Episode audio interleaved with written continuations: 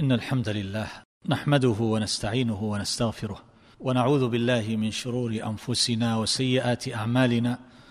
من يهده الله فلا مضل له ومن يضلل فلا هادي له وأشهد أن لا إله إلا الله وحده لا شريك له وأشهد أن محمدا عبده ورسوله. صلى الله وسلم وبارك عليه وعلى آله وصحبه أجمعين. أما بعد فالسلام الله عليكم ورحمته وبركاته. لا زال الحديث أيها الأحبة متصلا بقوله صلى الله عليه وسلم من تعار من الليل فقال حين يستيقظ لا إله إلا الله وحده لا شريك له له الملك وله الحمد وهو على كل شيء قدير. سبحان الله والحمد لله ولا إله إلا الله والله أكبر ولا حول ولا قوة إلا بالله. العلي العظيم. رب اغفر لي. النبي صلى الله عليه وسلم يقول من قال ذلك غفر له فإن دعا استجيب له فإن قام فتوضأ ثم صلى قبلت صلاته فهذه وعود من الصادق المصدوق صلى الله عليه وسلم لمن كان كذلك. فهذا يدل أيها الأحبة على أن هذا المسلم على أن هذا القائم من نومه على أن هذا المتعار من نومه أنه قد جاء بأمر عظيم أنه قد صدر منه أمر ذو شأن فكانت له هذه الوعود من الذي لا ينطق عن الهوى صلى الله عليه وسلم. فهذا كما ذكرنا أيها الأحبة فيه ما فيه من الدلالات على رسوخ الذكر في قلب من كان بهذه المثابة. في هذا الحديث أيها الأحبة فضل المبادرة إلى ذكر الله عز وجل والثناء عليه عند الاستيقاظ أو عند التوقظ أو عند التنبه إذا كان الإنسان في حال نومه فحصلت له يقظة. وأن يكون ذلك هو أول شيء يفعله ويسارع إليه فيبدأ بذكر الله تبارك وتعالى وتهليله وتحميده تكبيره وتنزيهه وتسبيحه. فذكر هذه الكلمات العظيمة التي ابتدأت بأجل الكلمات وأشرف الكلمات وأعدل الكلمات وأصدق الكلمات وهي كلمة التوحيد. لا إله إلا الله بدأ بها. لأنها الأجل والأشرف ولأنها الأصل ولأنها الكلمة الطيبة التي أصلها ثابت وفرعها في السماء. هي الكلمة التي لا ترفع الأعمال إلا بتحقيقها. إليه يصعد الكلم الطيب والعمل الصالح يرفعه على بعض الأقوال المشهورة في التفسير أن الكلم الطيب يرفع العمل الصالح. فلا يرتفع إلا بالتوحيد إلا بكلمة التوحيد إلا بلا إله إلا الله. العمل الصالح يرفعه الكلم الطيب. وهذه أمور متلازمة لكن هذا هو الأصل الكبير تحقيق هذه الكلمة فبدأ بها. مؤكدا معناها وما دلت عليه لا إله إلا الله وحده لا شريك له. فلا إله إلا الله كما هو معلوم أيها الأحبة. فيها ركنان عظيمان وأصلان كبيران وفرعان أصليان.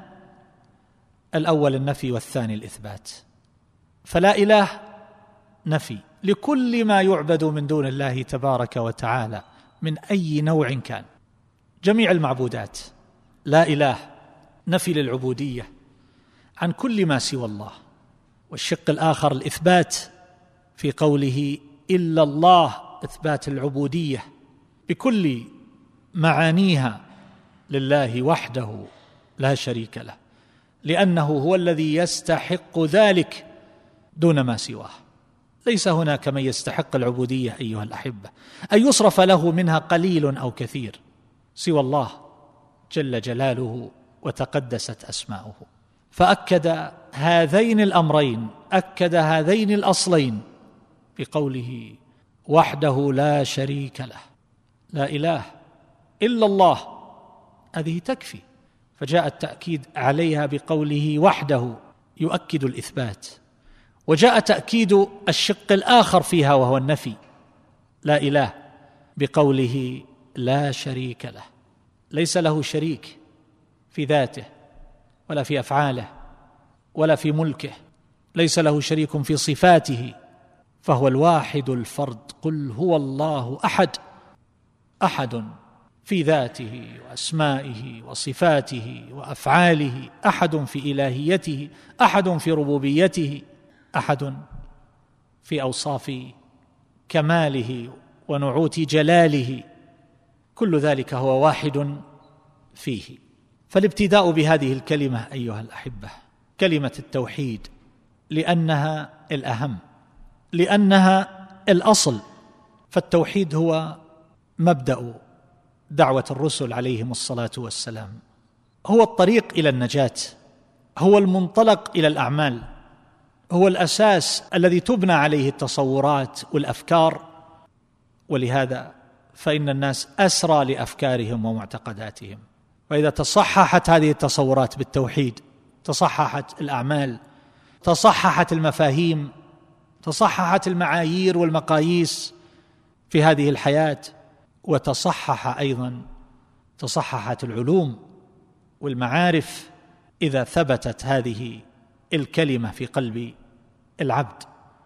وفهمها ووعاها وأدرك ما حوته من الهدايات والدلالات والمعاني الكبار. القرآن كله أيها الأحبة من أوله إلى آخره توحيد. هو شرح لهذه الكلمة. الإمام الشافعي رحمه الله يقول كل ما تقوله الأمة فهو شرح للسنة. والسنة شرح للقرآن والقرآن كله شرح لأسماء الله وصفاته أسماء الله وصفاته. توحيد. ولذلك فإن من عرف الله معرفة صحيحة بأسمائه وصفاته فإنه يوحده ولا يلتفت لأحد سواه. ومن هنا كان الاشتغال بمعاني الأسماء الحسنى والصفات العلى. من أعظم ما يرسخ التوحيد في قلب المؤمن. القرآن أيها الأحبة كما يقول الحافظ ابن القيم من أوله إلى آخره توحيد. هو في التوحيد وحقوقه وجزائه وكذا يتحدث عن أضداده. تحدث عن الشرك وأهله وجزائهم. انظر إلى أول سورة في القرآن التي نقرأها في كل ركعة من أولها إلى آخرها توحيد. الحمد لله رب العالمين توحيد. هذا الذي تضيف إليه جميع المحامد. ما يستحق جميع المحامد إلا الكامل من كل وجه. كامل من كل وجه هو الذي يستحق أن يعبد وحده دون ما سواه. يعبد غيره لماذا؟ الالهيه لله. الربوبية رب العالمين. ثم الصفات الكاملة. في الإلهية والربوبية فينتظمان جميع الأسماء الحسنى والصفات العلى لأن ذلك يرجع إلى الإلهية والربوبية. فمن كان هو الإله فهو الذي يوصف بجميع صفات الكمال.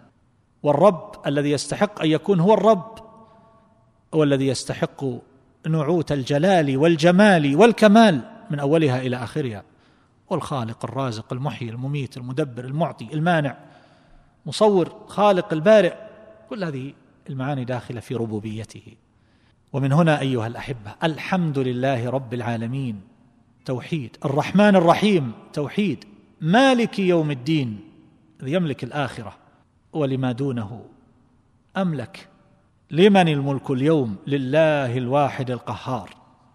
فهذا توحيد. إياك نعبد. نعبدك وحدك. توحيد. إياك نستعين لا نستعين بأحد سواك. هذا توحيد. اهدنا الصراط المستقيم. الصراط المستقيم هو التوحيد. هو الإيمان الصحيح. هو عبادة الله وحده لا شريك له.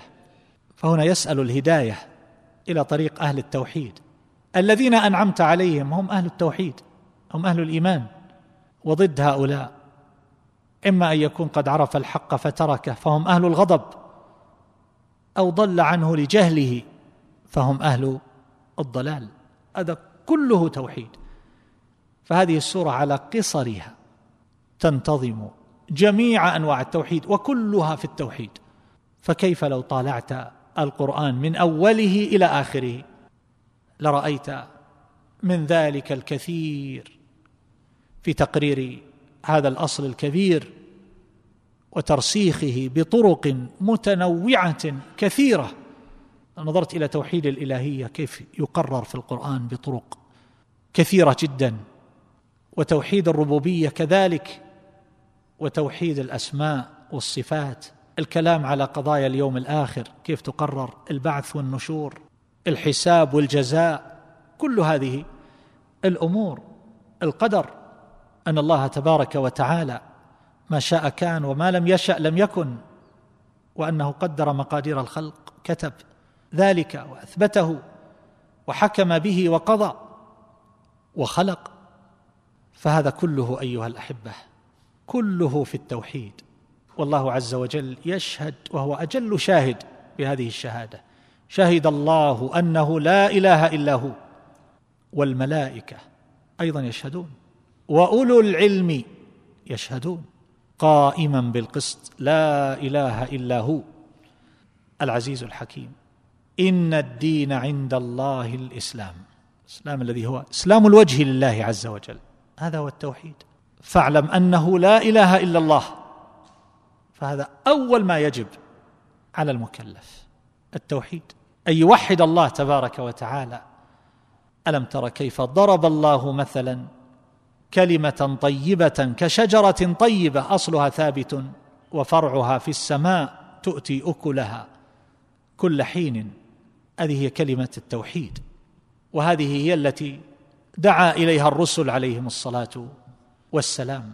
كل الرسل من أولهم إلى آخرهم جاءوا يدعون إلى هذه الكلمة بشقيها النفي والإثبات.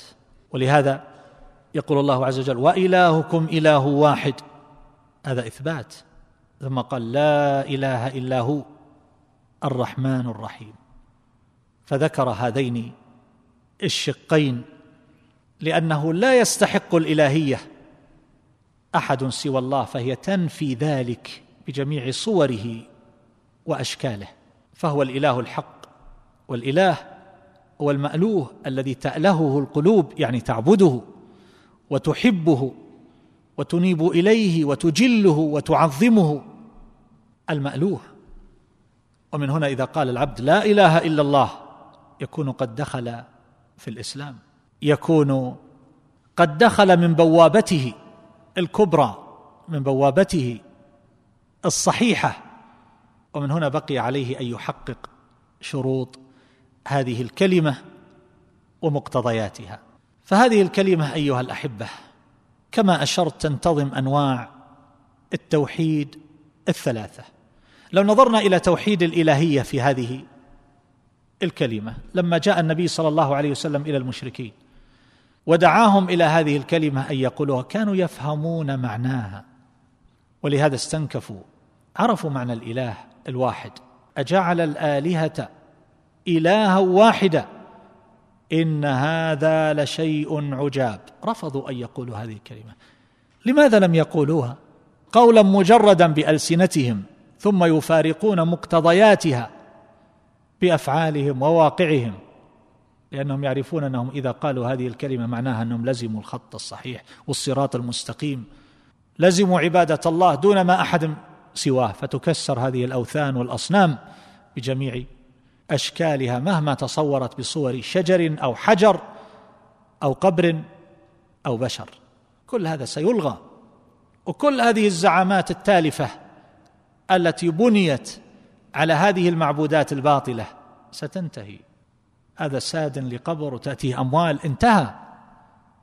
هذا يقوم على دينهم وهو من كبار أئمتهم في الكفر والضلال. إذا انتهت تلك المعبودات الباطلة انتهى. فيأخذ حجمه الصحيح يأخذ حجمه الطبيعي ولهذا الذين يعادون الرسل عليهم الصلاة والسلام ويردون دعوة التوحيد ويردون دعوة الحق أحيانا كما يقول المعلم رحمه الله ومنهم من يكون له في الباطل شهرة ومعيشة. ستنقطع.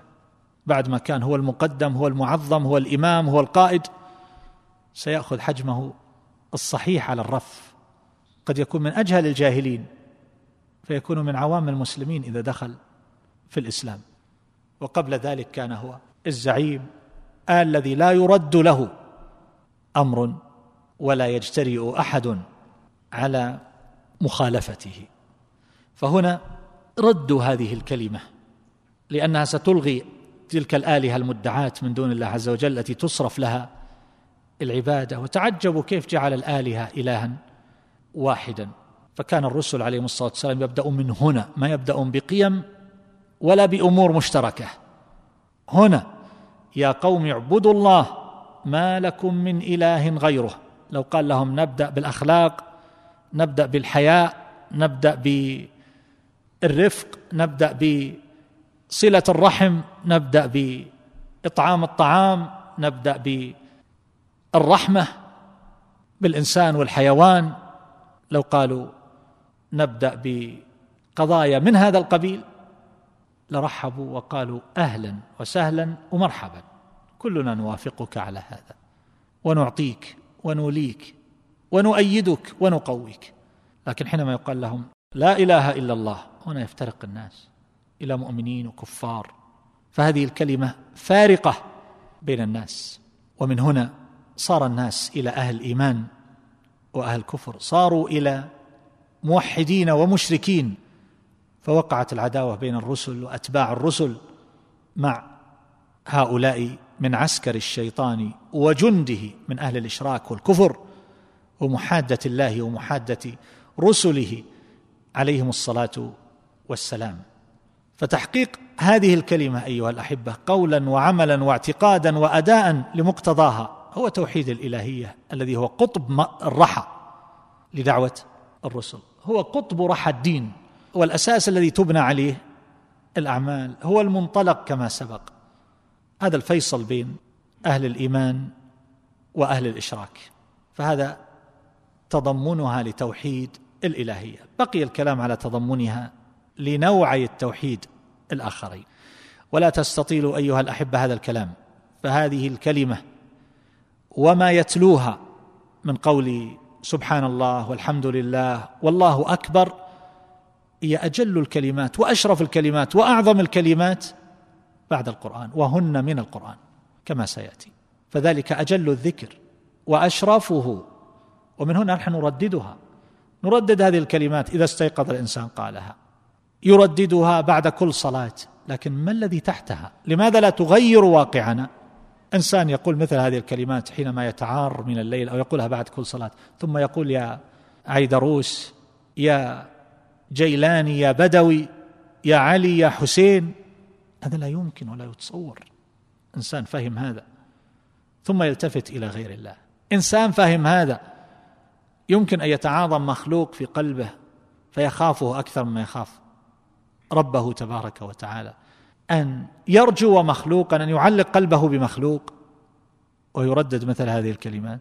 فهذا هنا نحن نبين ما تحت هذه الجمل من المعاني والهدايات لأننا سنحتاج إلى هذا في مواضع من هذه الأذكار وسأحيل إلى هذا الكلام. حينما نأتي لأذكار أخرى فيما يقال بعد الصلاة وغير ذلك سأحيل إلى هذا التفصيل والبيان الذي أذكره في هذا الموضع. وإن لم نبين ما تحت هذه الكلمات العظيمة الجليلة التي أجل الكلام بعد القرآن ما الذي سنبينه وما الذي سنوضحه؟ وسترون من هذا أشياء تدل على عظم شرف هذه الكلمات التي تضمنها هذا الحديث. ومن هنا لا نستغرب حينما يقول النبي صلى الله عليه وسلم في آخره بأن من فعل ذلك غفر له وإن دعا استجيب له وإن صلى قبلت صلاته. لا غرابة. والله أعلم وصلى الله على نبينا محمد وعلى آله وصحبه.